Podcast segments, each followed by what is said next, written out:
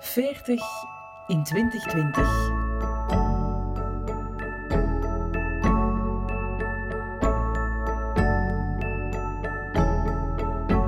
Ik ben Lotte en ik ben 40 in 2020. Dat zijn twee schone ronde getallen en daar hou ik wel van.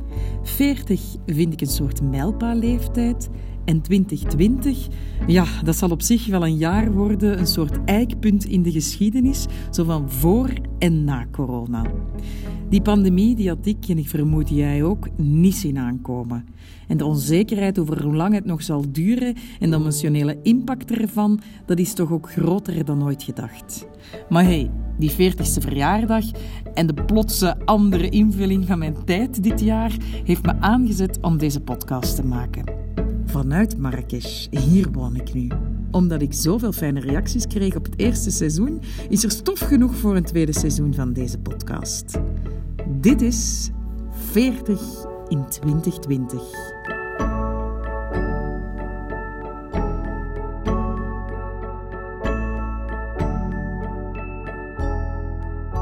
Ik ben Hanne en ik ben nog geen 40. ik word 40 in december, 15 december. Dus uh, ik ben heel blij van uh, laat in het jaar te zijn, want dat geeft me nu nog een klein beetje respijt, hoewel dat ik eigenlijk geen probleem met 40 worden. Um, ik werk in de bibliotheek van Leuven, waar dat ik eigenlijk uh, heel graag werk, omdat dat heel mooi aansluit bij mijn grote liefde voor verhalen en boeken. Uh, en ik ben mama van Nelson. Nelson is bijna drie jaar. En ik ben een solo-mama. Dat is de naam die dat ik er zelf graag aan geef, in plaats van het BAM of het BOM of hè, alle andere termen die dat ervoor bestaan. De ene keer is dat heel relevant uh, voor mijn definitie of voor hoe dat ik mij voorstel. De andere keer wat minder, want uiteindelijk uh, maakt dat in C ook niet zoveel uit, vind ik. Maar voilà, dat ben ik. voilà, dit is dus Hanne Huissen. Echt een toffe madame. Dat had ik zes jaar geleden al door toen we elkaar voor het eerst ontmoetten op café samen met een gemeenschappelijke vriendin. We bleven eigenlijk lang bij die ene ontmoeting. Tot ik voor Caravaan ging werken. Bij die organisatie voor reisbegeleiders van Joker was ik verantwoordelijk voor de opleiding en coachte ik een grote groep vrijwilligers. Hanne was één van hen. Zo echt een crème van een vrijwilliger, die mijn werk echt tot een feestje maakte, met complimentjes en schouderklopjes en knuffels aan een toog. We zagen elkaar toen bij Caravaan verschillende weekends per jaar in het opleidingscentrum Des te Leiden in Dworp. Zeg, en Hanne, het is op één van die weekends dat je um, op de zaterdagochtend naar mij komt en zegt: Ik ben zwanger. ik denk dat ik gegild heb op dat moment. ik viel compleet uit de lucht. Je werd niet alleen, denk ik. Ik denk dat er nog mensen uit de lucht gevallen zijn. Allee, ja, oké. Het is niet dat we onze diepste um, geheimen en, en zielenroerselen aan elkaar vertellen. Maar ik had het gevoel van, ja, dat ik toch een paar dingen van, van u wist of zo. En dan, mm -hmm. boem, jij werd zwanger. Ja, hoe is dat kunnen gebeuren? ik kan niet zeggen dat ik, dat ik het niet meer goed weet of zo. Want uh, als er nu iets is aan het traject van, van uh, solomoeder worden, is dat je wel elke stap heel bewust uh, zet. En dat je niet achteraf kunt zeggen van... Hm, deze had ik nu niet zo ingeschat. Um, nee. nee, ja, hoe is dat gekomen, Lotte? Als ik echt van in, van in het begin begin, dan denk ik echt van... Ik ben altijd overtuigd geweest dat ik een jonge mama ging zijn en dat ik wel kinderen ging hebben. De befaamde kinderwens is er bij mij wel altijd geweest. De biologische klok daarentegen was voor mij onbestaande. Ik denk dat dat voor een groot stuk te maken had met het feit dat ik een heel fijn leven had. Ja. Als je dat zo mocht zeggen. Maar ik, ik was heel gelukkig in wat dat ik deed. Um, ik was op dat moment ook gelukkig in mijn job. Uh, ik reisde heel veel. Um, ik had uh, net een nieuwe passie gevonden in het duiken. Um, ook met een groep reisbegeleiders dat wij elk jaar gingen duiken en zo. Dus alleen, ik was eigenlijk uh, super content. Ik heb op mijn 34 ook nog een, een, een vijftal maanden alleen in Centraal-Amerika gereisd. Ook fantastisch gedaan. Allee, ja, dat was eigenlijk allemaal dik oké. En toen ik terugkwam van die lange reis, weet ik nog dat ik met mijn zus uh, iets aan het eten was. en dat die zo een beetje polste van ja, 35 hè, uh, kinderen. Zou jij dat niet overwegen om, om um, alleenstaande mama te worden. En dat ik toen nog heel categoriek zei... Nee, dat is eigenlijk echt niks voor mij. Ook omdat ik zo'n soort basisvertrouwen had in het feit van... Het komt allemaal wel goed. Ik ga die man wel tegenkomen. En dat gaat allemaal zijn gang wel gaan. Ik geloof nogal in het feit dat je niet te veel op voorhand moet plannen en moet gaan zoeken en moet gaan regelen. Ik, ik ben nogal ervan overtuigd dat de dingen wel komen als ze moeten komen. En dat had ik in dat kinderhoofdstuk eigenlijk ook. Uh, en dan ehm, was ik bij een gynaecoloog voor een, uh, voor een controle. En dan bleek eigenlijk dat ik endometriose had. Ik weet niet of je dat kent. Um, Maar dat is eigenlijk een ziekte die best wel veel vrouwen treft. Um, waarbij dat je eigenlijk een soort verklevingen krijgt op je eierstokken. En dat tast de vruchtbaarheid aan. Uh, zorgt er ook voor dat je heel pijnlijke uh, maandstonden hebt. Maar dat is eigenlijk je enige symptoom. Ja. Waardoor dat, dat ook heel vaak niet serieus genomen wordt. Ja, ja, uh, waardoor dat er ook heel vaak gezegd wordt, ja, dat hoort erbij. En daardoor sleept dat heel lang aan voordat je eigenlijk echt uh, die diagnose krijgt. En hoe, hoe oud was je toen dat je die diagnose kreeg? 35. Ja. Niet zo lang na mijn reis eigenlijk. Ja. Uh, maar zegt die gynaecoloog, heb je nog een kinderwens? Want als jij kinderen wilt, dan is het wel nu de moment. Hm. En dat was een beetje het moment waarop dat, dat allemaal veranderde. Hè? Um, als dat opeens zo zwart-wit gesteld wordt, van kijk, eigenlijk heb je door die endometriose sowieso een verminderde vruchtbaarheid. En zoals dokters dat nogal uh, feitelijk kunnen uitleggen, was dat bij haar ook zo. Die zei dat echt gewoon van, kijk, dat is de simpele realiteit. Als je kinderen wilt, doe je dat best nu. Want de, ik kan u geen garantie geven dat je na die operatie nog aan kinderen kunt beginnen. Was het eerste wat jij gedaan hebt toen dat jij er buiten wandelde, Hanna? ik weet het niet. Misschien een keer goed op café geweest of zo. Ja, ik, ik weet dat niet. Ik, ik, ik was eigenlijk wel natuurlijk een beetje... Uh, in shock of zo. Hè? Ik bedoel, je verwacht zo'n zo'n zo'n uh, diagnose niet en je wordt wel gewoon even, even met je neus op de feiten gedrukt. Zo. Maar eigenlijk dacht ik nog altijd... Ja, maar ja, ik wil eigenlijk hè, een man tegenkomen en daar uh, een gezin mee beginnen. Maar ik ben het wel mijn eigen verschuldigd om nu te gaan uitzoeken of dat toch dat alleenstaand moederschap of eventueel eicellen invriezen of al die dingen die in, in dat spectrum aanwezig zijn. Ik moet dat wel een beetje gaan onderzoeken. Ik wil niet mijn eigen op mijn veertigste mm verwijten dat ik, dat ik op mijn 35 niet, niet het lef heb gehad om, om, om dat eigenlijk in de ogen te kijken, hè? Om, om dat echt te onderzoeken. Nee, dan ben ik eigenlijk met heel veel mensen, nee, niet met heel veel mensen, maar met een aantal mensen, belangrijke mensen in mijn leven, uh, beginnen babbelen. Mhm. En ja, opeens werd dan duidelijk van, tja, ik zie mijn eigen echt wel als moeder. Ik zie mijn eigen echt wel met een kind in de toekomst. Um, en na verloop van tijd kwam ook een beetje het inzicht van, het is ook niet een uh, of of verhaal. Ik bedoel, het is, het is niet omdat ik dit nu doe, dat ik daarmee een uh, andere leven met partner, met nog kinderen met je partner of kinderen van die partner, dat ik dat sowieso uitsluit. Integendeel, ik ga een stuk rust vinden in mijn eigen leven, wat er misschien voor gaat zorgen dat ik anders en beter uh, in, in toekomstige relaties zou kunnen gaan staan. Um, en het is ook niet omdat ik daarvoor kies dat ik niet, niet mag rouwen om het feit dat zo'n klassiek gezin niet gelukt is. Dus hoe langer en hoe meer dat ik zag van dat en-en kan, die dingen mogen naast elkaar bestaan. Je mocht op hetzelfde moment een weg kiezen en ook ongelukkig zijn omdat een andere weg misschien niet gelukt is. Um, ja, dan zette ik hoe langer, hoe meer stappen in dat traject eigenlijk. Hè. Je moet dan eens met een psycholoog gaan praten. Um, je moet wat verdere onderzoeken gaan doen. Al die dingen. En ik bleef dat eigenlijk allemaal doen met zo'n beetje het idee van... Ja, en we zien wel. Als dat komt, dan komt dat. En als dat niet komt, dan is dat niet. Maar ik doe nu wat ik moet doen in deze fase in mijn leven. En dat is die piste volledig gaan onderzoeken. Dan heb ik ook nog... Uh, eerst een, een uh, reis naar Colombia begeleid, bijvoorbeeld. Uh, omdat ik echt zoiets had van, ik wil nog een keer goed ver gaan. Ik ben daar dan ook nog uh, twee weken langer gebleven om te gaan duiken op een eiland. allemaal dat soort dingen. Maar ja, dan komt er langzaamaan wel het moment dat je ja, een afspraak moet maken voor, voor de inseminatie, is dat dan. Hè?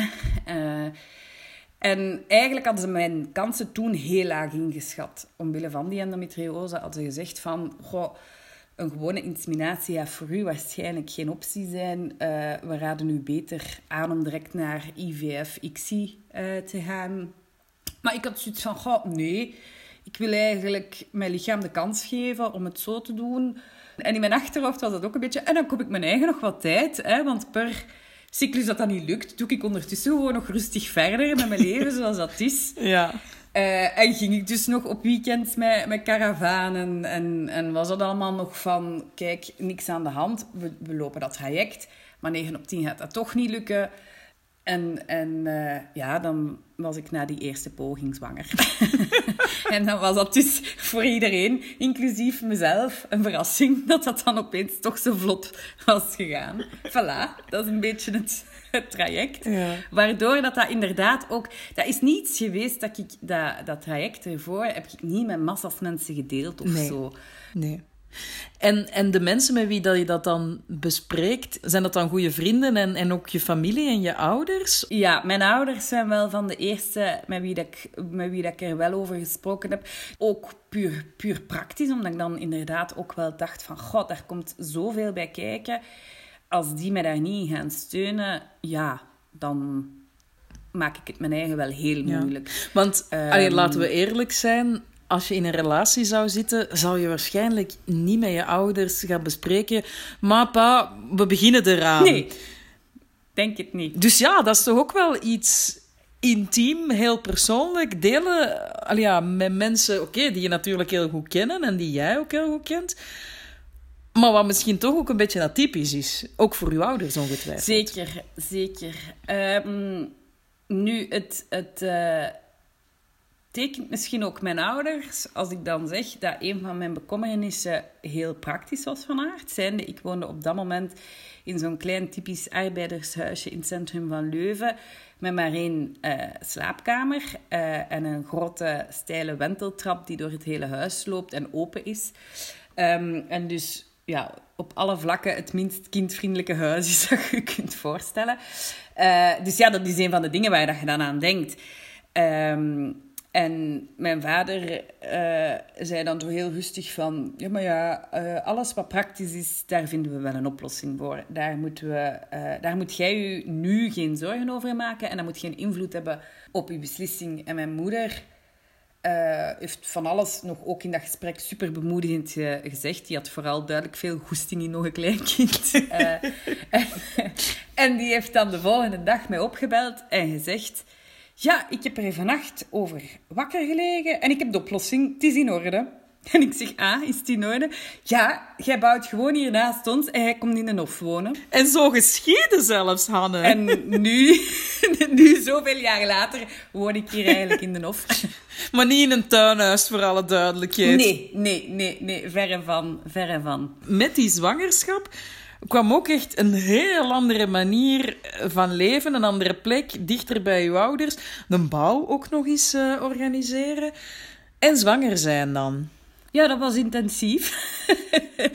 maar, maar eigenlijk daarin heb ik ook echt super goed geoefend van uh, laat los om te willen controleren wat er de komende weken, maanden, jaren allemaal gaat gebeuren. Want je hebt daar toch geen vat op. Het, het leven geeft je kaarten en je moet daarmee spelen. En je hebt alleen vat op wat je op dit eigenste moment met die kaarten doet. En al de rest heb je niet in de hand. Hanne, waarom wil je de term solomoeder gebruiken? Aha, omdat het alternatief BAM is, wat op zich niet kei elegant klinkt. Dat is bewust alleenstaande moeder? Ja, en het ding is, ik ben niet bewust alleenstaand. Ik ben wel bewust moeder, maar ik ben niet bewust alleenstaand.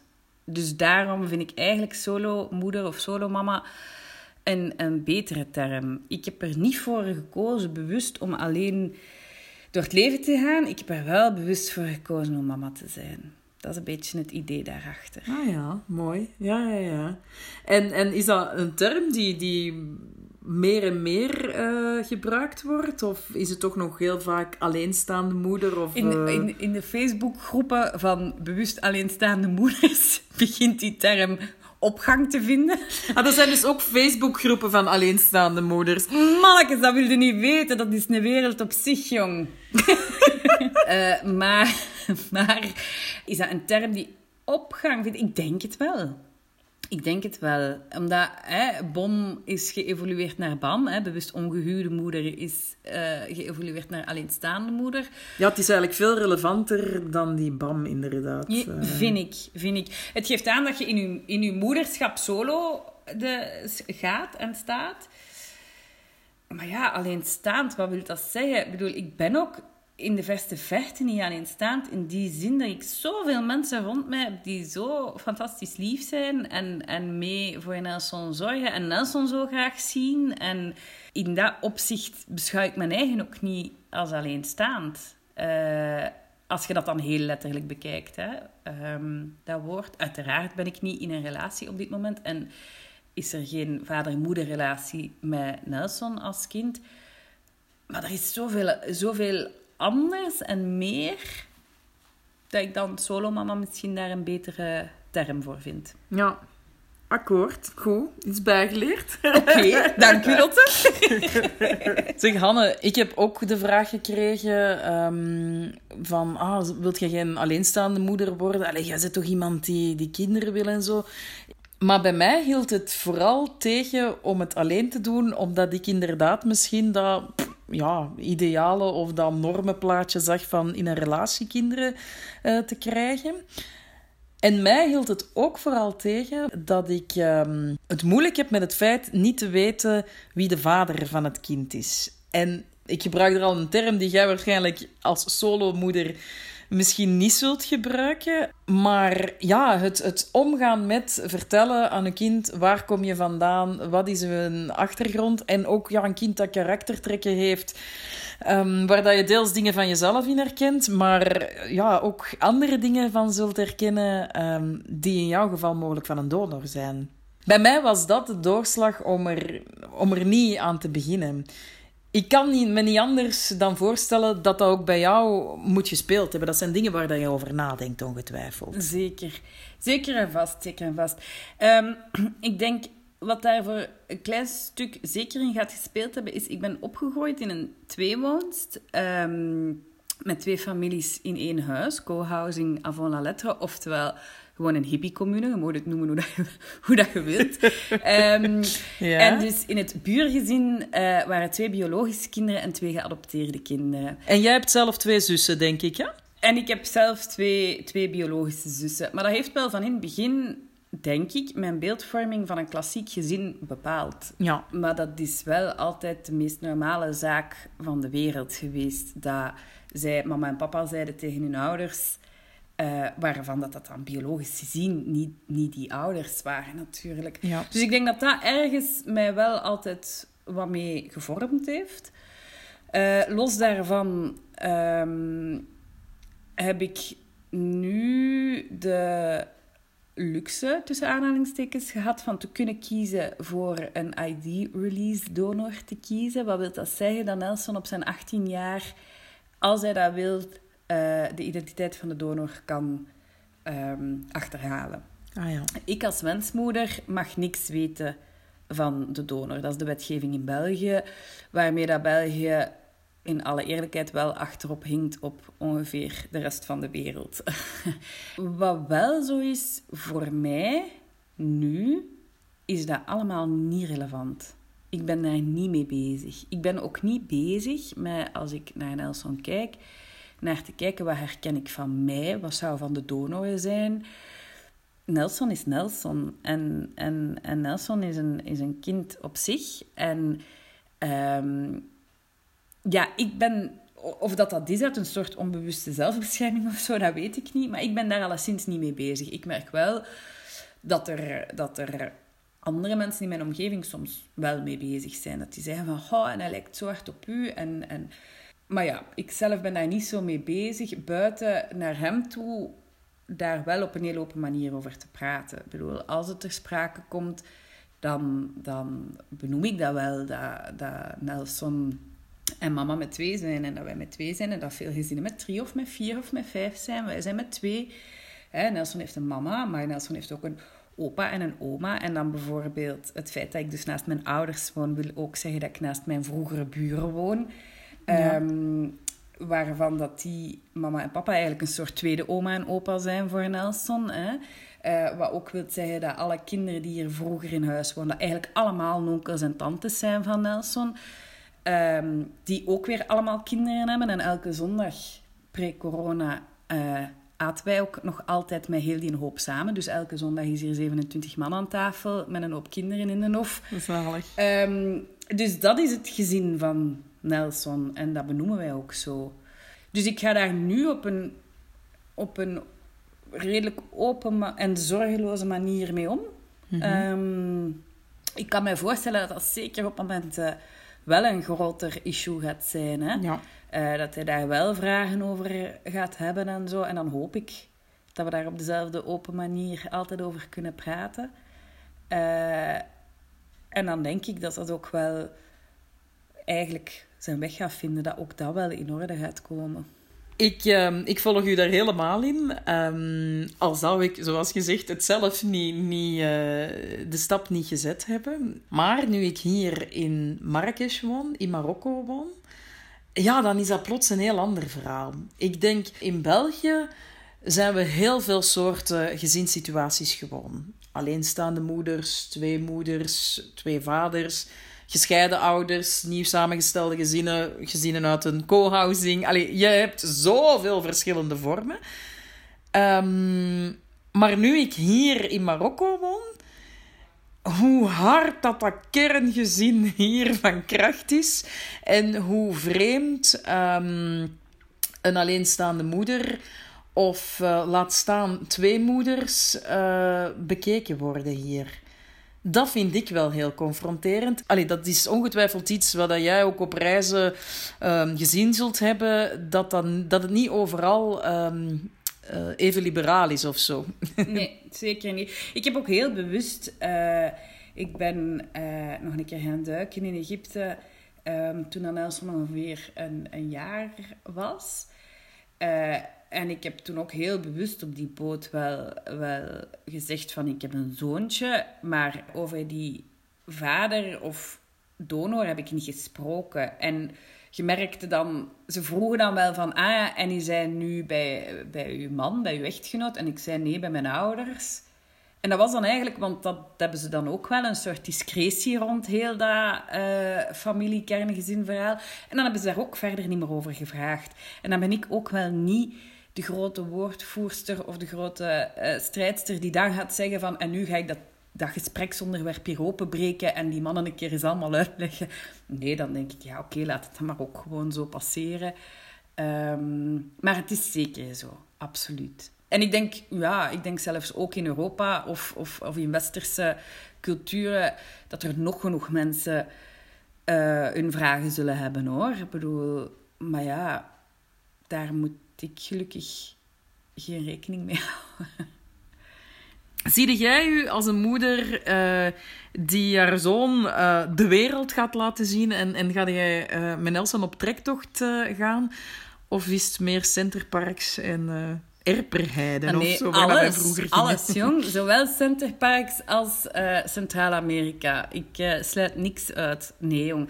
De, ik kijk daar zo hard naar uit om hem te gaan reizen. Mm -hmm. En daarnaast blijf ik ook vasthouden, gelijk bijvoorbeeld dat duiken. Ik, ik hoop dat we nu in december gaan kunnen uh, gaan duiken. De, we, hebben, we gingen normaal in mei gaan, we hebben dat natuurlijk moeten uitstellen.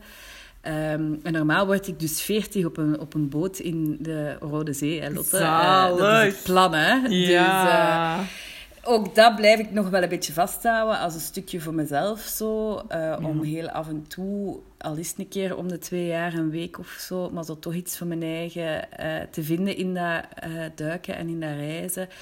En um, dus ja, nee, zeker, zeker een verhaal met nog veel, veel hoofdstukken. Ja, Hanne, laten we wel wezen. Uh, het lijkt nu alsof je een reizende moeder bent. maar jij hebt ook gewoon een job, natuurlijk. dat klopt, dat klopt. Zelfs, meer zelfs, Lotte, ik ben een ambtenaar. En trek die schuif met clichés open.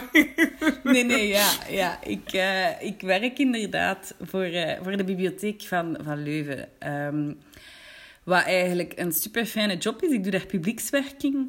Dus eigenlijk Heel simpel gezegd mag ik mijn liefde voor lezen en voor verhalen en voor boeken de hele tijd verspreiden en daarmee bezig zijn. Is dat een job waar dat je ehm, toevallig in terecht bent gekomen? Of is dat iets ja, wat dat je als kind voor ogen zag van ik hoop ooit in de bibliotheek te werken? Om het nu een beetje op, op uh, flessen te trekken. Ik denk dat ik als kind, hadden mij gezegd op mijn twaalf of mijn dat ik dat wel tof zou gevonden hebben als je mij dan zou gezegd hebben van je gaat in een bibliotheek werken. Maar nee, ik heb altijd wel al super hard een passie gehad voor het boekenvak.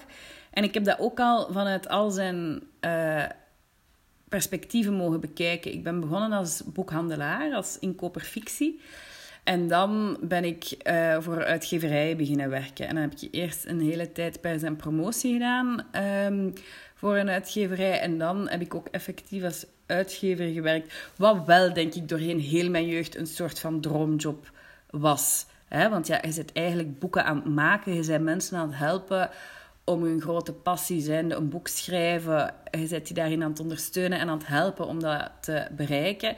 En het resultaat is een boek. Ja, voor mij, dat klinkt misschien wat, wat uh, nerdy of zo, maar ik vind dat wel heel tof en ik ben daar heel graag mee bezig. Maar dat is een heel ontnuchterende ervaring geweest, ergens wel. Want wat blijkt, uh, heel die uitgeefsector is eigenlijk ook best wel gewoon een hele harde sector. En is een heel commerciële sector. Want allemaal goed en wel dat je een boek maakt, maar dat boek moet je ook wel verkopen. En als dat niet verkoopt, ja, dan krijg je eigenlijk uh, strafpunten als uitgever. Hè? Want je moet boeken op de markt brengen die, die uh, goed verkopen. Uh, en dat was eigenlijk toch wel iets, iets waar dat ik een heel aantal harde lessen in heb moeten leren, zo in, in dat traject en in dat boekenvak. Ik, ik, ik heb altijd heel graag gelezen. Ik, ik ben ook altijd heel vatbaar geweest voor mooie verhalen. Een verhaal met een mooi begin, een mooi midden, een mooi einde. En voor mijn gevoel had ik dat dan zo ergens bereikt toen ik 3,34 was en ik kon als uitgever werken ja, dat was de kroon op het werk zo. Hè. Ik, ik, was, ik was eigenlijk zo blij. Ik had het gevoel dat ik daar super hard op mijn plaats zat. Ik werkte daar ook keihard voor. Maar ja, dan kwam dan zo echt een beetje de realisatie van... Tju, dat is hier mijn droomjob en ik word, eigenlijk niet, ik word er eigenlijk niet gelukkig van ja, dan, dan zit er ergens mijn probleem. Hè. Ehm, en dan ben ik een, een hele lange reis alleen gaan maken in Centraal-Amerika. Uh, omdat ik echt voelde van, ik zit hier op een punt dat ik eigenlijk niet goed weet waaraf waaraan. Ik, ik heb bereikt wat ik gedacht had te bereiken als ik 45, 50 zou zijn. Want uitgevers zijn normaal uh, wat ouder als ze aan die job beginnen. En ik zit daar nu op maar het is eigenlijk helemaal niet wat ik, wat ik gehoopt of verwacht had. Maar wat moet ik dan doen? Um, ja, dat is, dat is geen fijne, fijne uh, constatatie. Hè? Um, en is dan zo'n reis, is dat dan voor u herbronnen? Of is dat dan voor u eigenlijk meer ja, alles achterlaten en een beetje op de vlucht? escapisme. Ja escapisme. Ik ben keigoed in escapisme.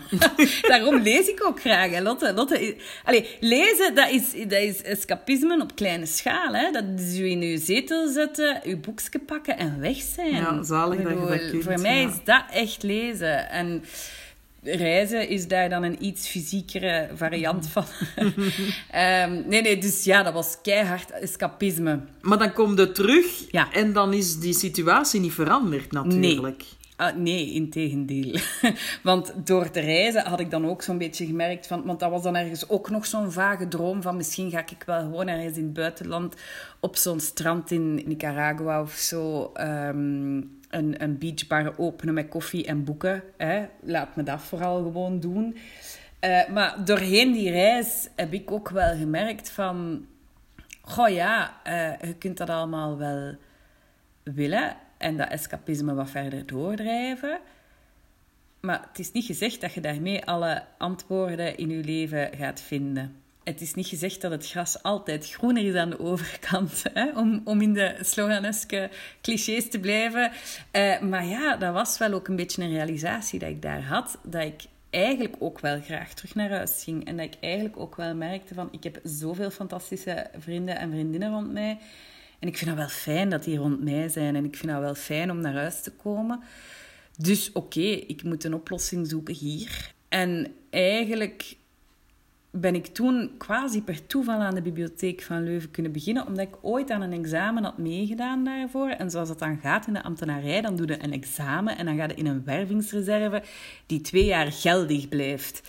En dan zet jij de eerste op die lijst van die wervingsreserve. En dan heb je sowieso recht op die job als die vrijkomt. Wat quasi absurd is om u te bedenken, maar wat in mijn geval gewoon fantastisch uitgedraaid heeft. Want ik was twee maanden terug van, van ehm, Zuid-Amerika en ik kreeg opeens telefoon van de stad Leuven. Uh, ja, die job in publiekswerking komt vrij. Hebt u interesse? en ik... Bah ja!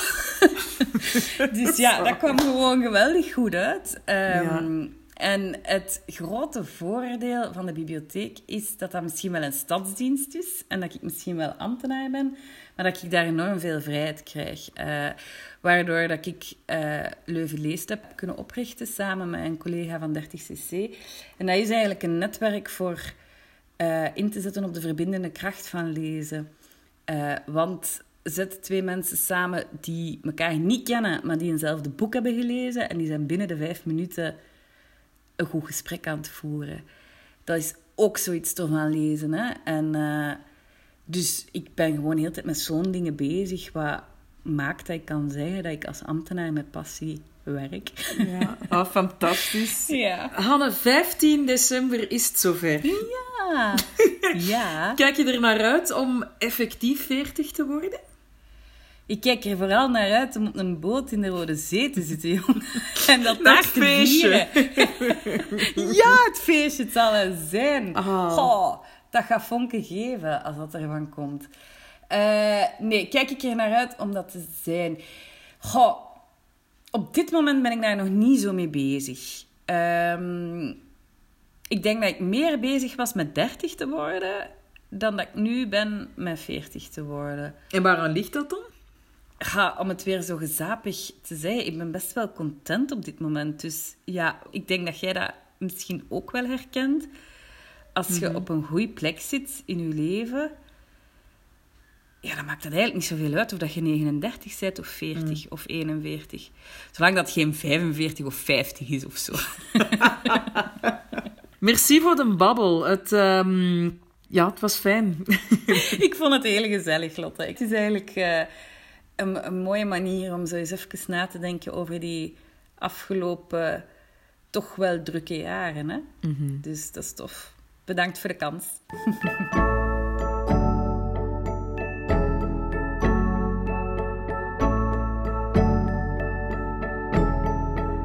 Dit was 40 in 2020. Tof dat je luisterde. Je mag altijd laten weten wat je ervan vond via een berichtje op de Instagram of Facebook van 40 in 2020. En hou je vooral niet in om deze boeiende babbels te verspreiden en te delen met je vrienden. Zo krijgen meer luisteraars mijn podcast te horen. Volgende aflevering babbel ik met Bram. Ook hij is 40 in 2020. Dat ik wellicht ook wel rustiger ben geworden in het vergelijken van mezelf met andere mensen. Misschien is dat dan ook makkelijker als je een zaak hebt die redelijk goed draait, um, gelukkig getrouwd bent, in een huis woont, um, geen honger hebt, um, weliswaar haar verliest, maar toch nog niet helemaal kaal zijt. Ja, ik kan het niet anders zeggen. Ik ben eigenlijk relatief oké met, de, met 40 zijn en voor mij is het geen, uh, geen grote mijlpaal.